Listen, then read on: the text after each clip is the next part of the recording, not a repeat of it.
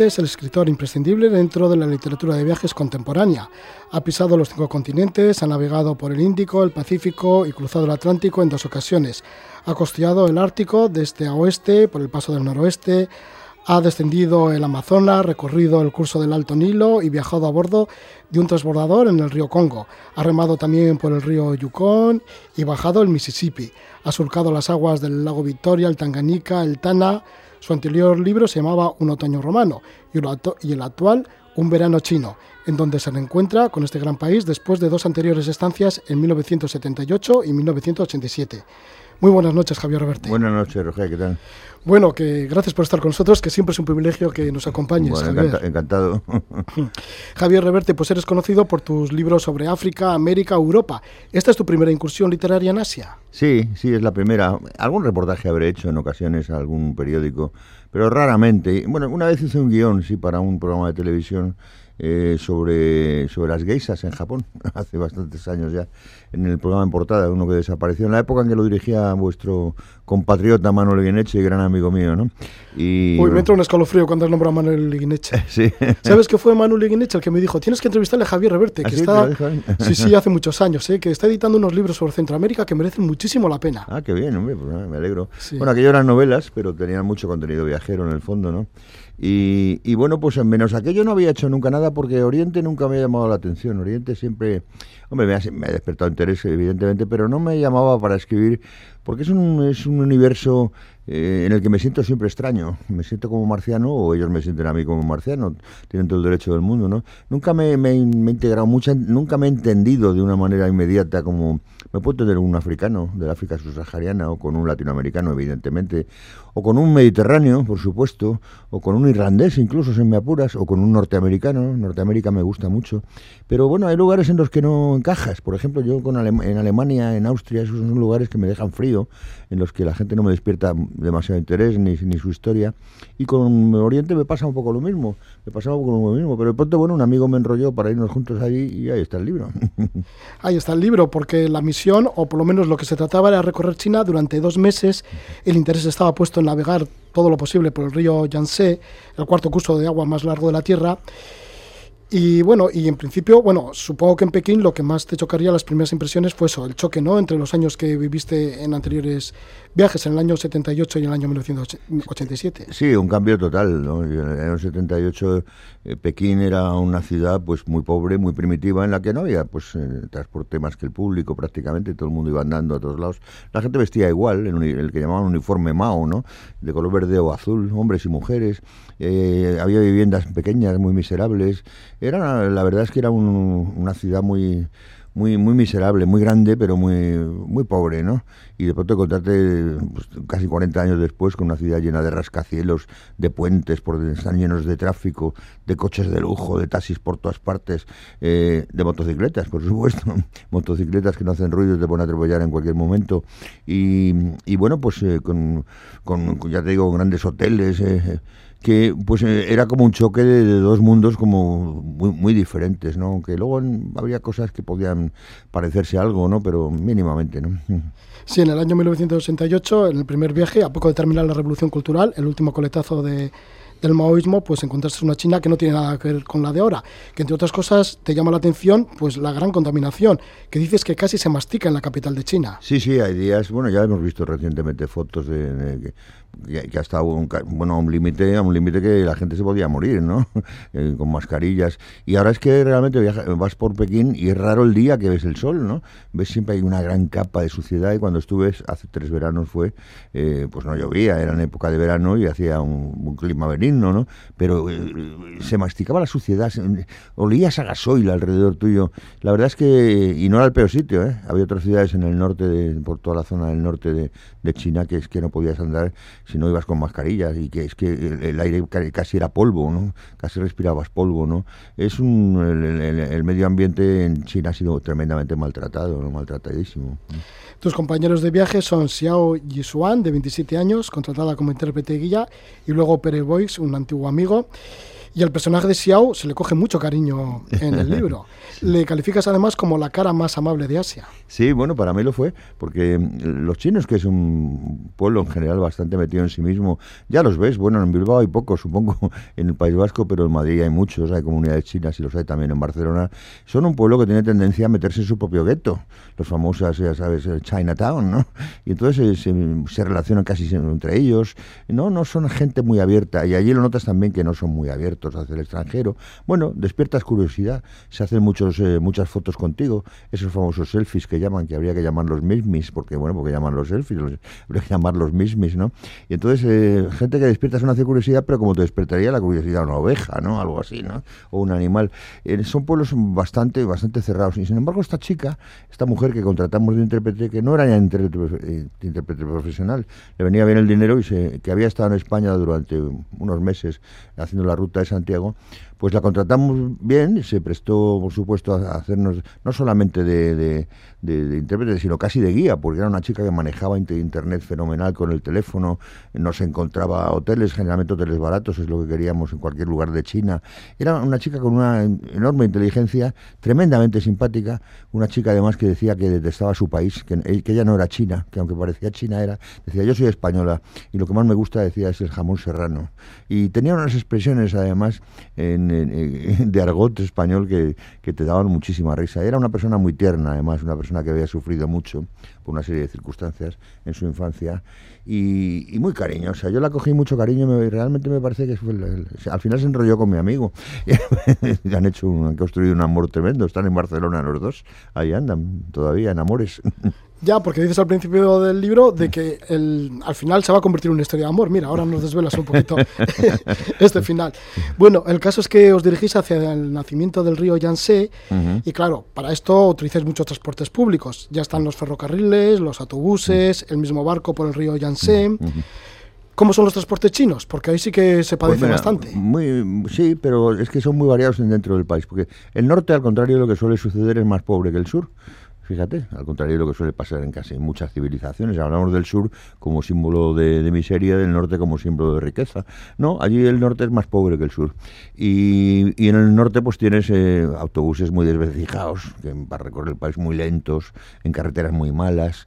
Y tienes también pues trenes eh, muy antiguos, trenes como las que ya no ves en, los que ya no ves en España. De ese tipo de tren ya no ves en España, con unas literas, con, eh, bueno, no sé, con coches camas de seis literas, siete, bueno, seis u ocho literas donde van las familias enteras, donde llevan taburetes para sentarse en los pasillos de los vagones, con unos servicios, bueno, no voy a describirlos aquí porque habrá gente a lo mejor merendando, con unos servicios bastante sucios y con, con muchos retrasos, con muchos retrasos, siempre cuando nos quejábamos en España en mi infancia del retraso de los trenes, de cómo era Renfe, que llegaba siempre tarde.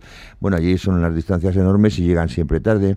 Pues eh, ya te digo, con autobuses, pues todo esto es, muy diferente del sur, donde hay montones de autopistas, donde tienes un montón de trenes de alta velocidad, donde hay uh, unos autobuses súper modernos y donde ves, bueno, en ciudades grandes como Pekín y Shanghai, ves una multitud de coches de, de alta gama, muchísimos. Dicen que Shanghai es la ciudad del mundo donde hay mayor concentración de Ferraris.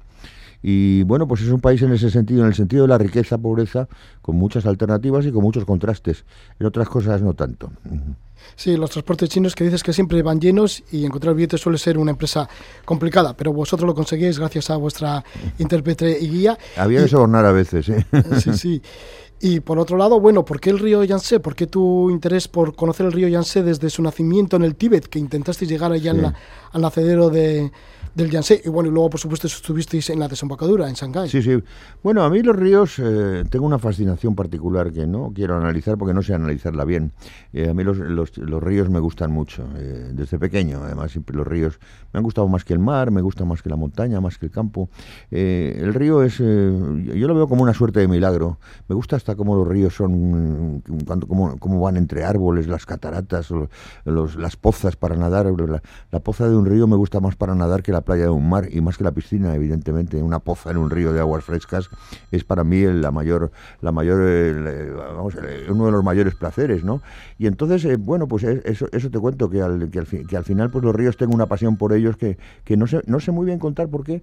Y el Yangtze era, es, el, es el, el cuarto río más grande de la Tierra. Yo había estado ya en el Mississippi, había estado en el Nilo, había estado en el Amazonas, y entonces decía, bueno, ¿y por qué no este río algún día? Y surgió la posibilidad de ir con mi amigo que estudió el tema, vio que había eh, transportes públicos, o sea, ferries públicos en los que podías navegar eh, pagando muy poco dinero, porque China realmente si bajas, si viajas en plan de mochilero es muy, muy, muy barato, baratísimo. Yo he llegado a comer por cantidades irrisorias, ¿no? Por, por a lo mejor por comer por los 3 por 7 euros.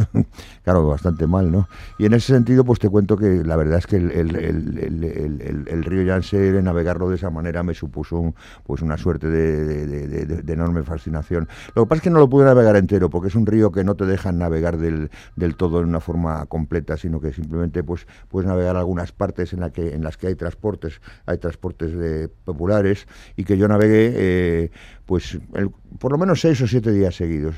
Y luego que decías de las fuentes de, del, del, río, yo quería ir a la fuente misma, pero claro, ir a la fuente misma casi es imposible siempre, porque tienes que irte a la, cumbre de una montaña, que es donde nacen, ¿no?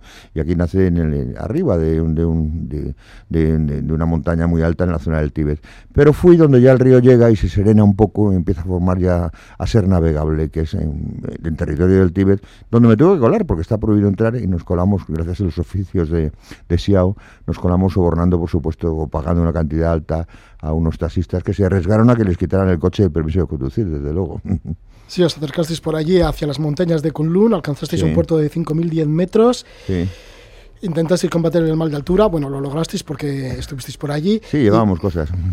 Sí, sí. Y bueno, y luego, pues esa fa uh, fascinación que tienes por los ríos, entre otras cosas, afirmas que un río bravo bajo montañas salvajes es el paisaje que más amo de la Tierra. Es cierto, sí. Ya te he dicho que no sé por qué razón, pero es el que más amo. Yo ver un río salvaje eh, corriendo entre bosques, entre, pedras, entre peñascos y, bajando de las montañas, me produce una sensación de grandeza tremenda y de vitalidad enorme.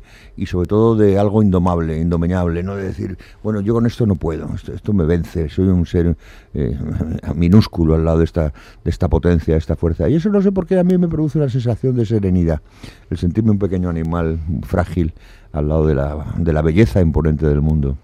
El Yangtze que recorre esos 6.300 kilómetros y por lo demás es uno de los cursos de agua más contaminados del mundo a causa de las grandes zonas industriales sí. instaladas a sus orillas. Hay una zona, eh, cuando ya empieza el río a ser muy muy ancho y muy navegable, a partir de Lijiang, ya por el centro del río y hasta casi la cercanía de Shanghái, donde el río ya es muy ancho, atraviesa muchísimas ciudades y muchísimas zonas donde hay muchas fábricas, ¿no?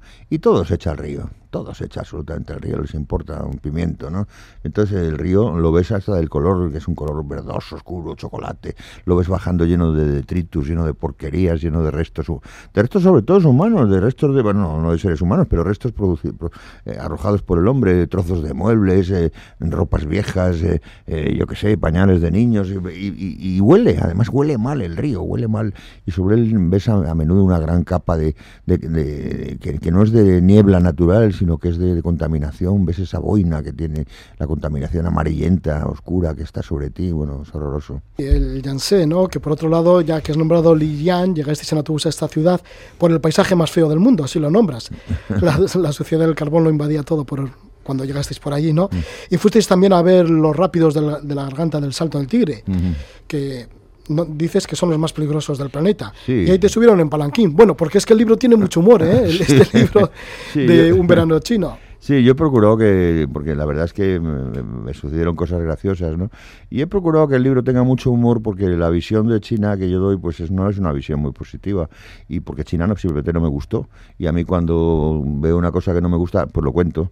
No me, no me gusta mentir al lector. Si una cosa es agradable, le digo que es agradable. Si me hace sonreír, me hace sonreír. Y si me da mucha pena o me, o me, o me produce repulsión, también lo cuento. Yo creo que un escritor nunca debe mentir eh, puede equivocarse en mil cosas, pero mentir al lector no debe hacerlo jamás, ¿no? Y entonces eh, pensé cómo, no, no cómo suavizar, porque no, a mí no es que me guste suavizar, sino cómo hacer el libro más digerible, cómo hacerlo el libro más variado, que no fuera todo el retrato de una sociedad tremenda, ¿no? pues pensé que echando mano del humor, del humor de muchas cosas que me producían risa y que me producían eh, sonrisas y que me hacían reír de verdad, ¿no? Entonces, pues en ese sentido, pues el libro es un libro de humor, yo creo, en, muchos aspectos. Sí, bueno, y ahí estaba esa subida, ¿no? en palanquín, con dos portadores, para subir las escaleras en donde se observa el salto del tigre.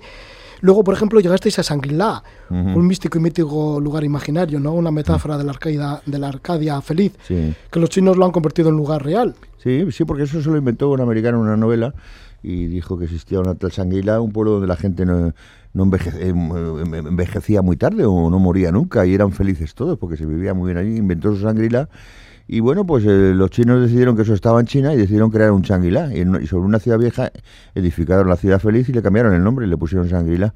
La verdad es que la ciudad no es nada bonita porque está reconstruida, el casco antiguo se quemó, unos meses después de irme yo se quemó entero y creo que ahora la han vuelto a reconstruir. Es bonito el entorno porque está cerca de la frontera del Tíbet y la verdad es que hay unas montañas enormes en las proximidades y el aire, curiosamente, ahí es muy limpio. Ahí lo que más me gustó fue el aire después de respirar tanta porquería. Sí, porque está a 3.300 metros de altitud. pasáis también por Suasan, la ciudad natal de Mao, y finalmente por la desembocadura de Yangtze en Shanghái, con 18 millones de habitantes. sí, Shanghái, Shanghái es la ciudad más cosmopolita de China y si yo pudiera salvar algo, salvar en mi opinión, quiero decir, no tengo, yo no soy nadie para salvar a nadie, ¿no? Pero que si algo en, función de mis gustos me, me, atrajo algo de China y me despertó más interés fue Shanghái, ¿no? Shanghái en la medida en que es más cosmopolita, lo ha sido siempre, y en la medida en que es un intento de construir una ciudad ultramoderna que rivalice, según ellos, con Nueva York eso va a ser imposible. Puede rivalizar en edificios y puede rivalizar en, en, alturas de rascacielos, pero no puede rivalizar en libertad. Mientras no haya una libertad en China es imposible. Y para mí Nueva York, que es una ciudad en la que he vivido, Nueva York es una ciudad libre, fundamentalmente libre. ¿Notaste también la falta de libertad en China? Muchísimo, sí. Es que, que los propios chinos no, no, les preguntas un poquito por algo que tenga que ver con la política y es ahí echan a correr. Aparte que están los datos objetivos, eh, la cantidad de gente que por razones políticas o no eh, cada año fusilan, son miles, ¿no? Y matan, la pena de muerte está viva allí y la, falta de libertad de expresión, eso, además te lo comentan eh, constantemente.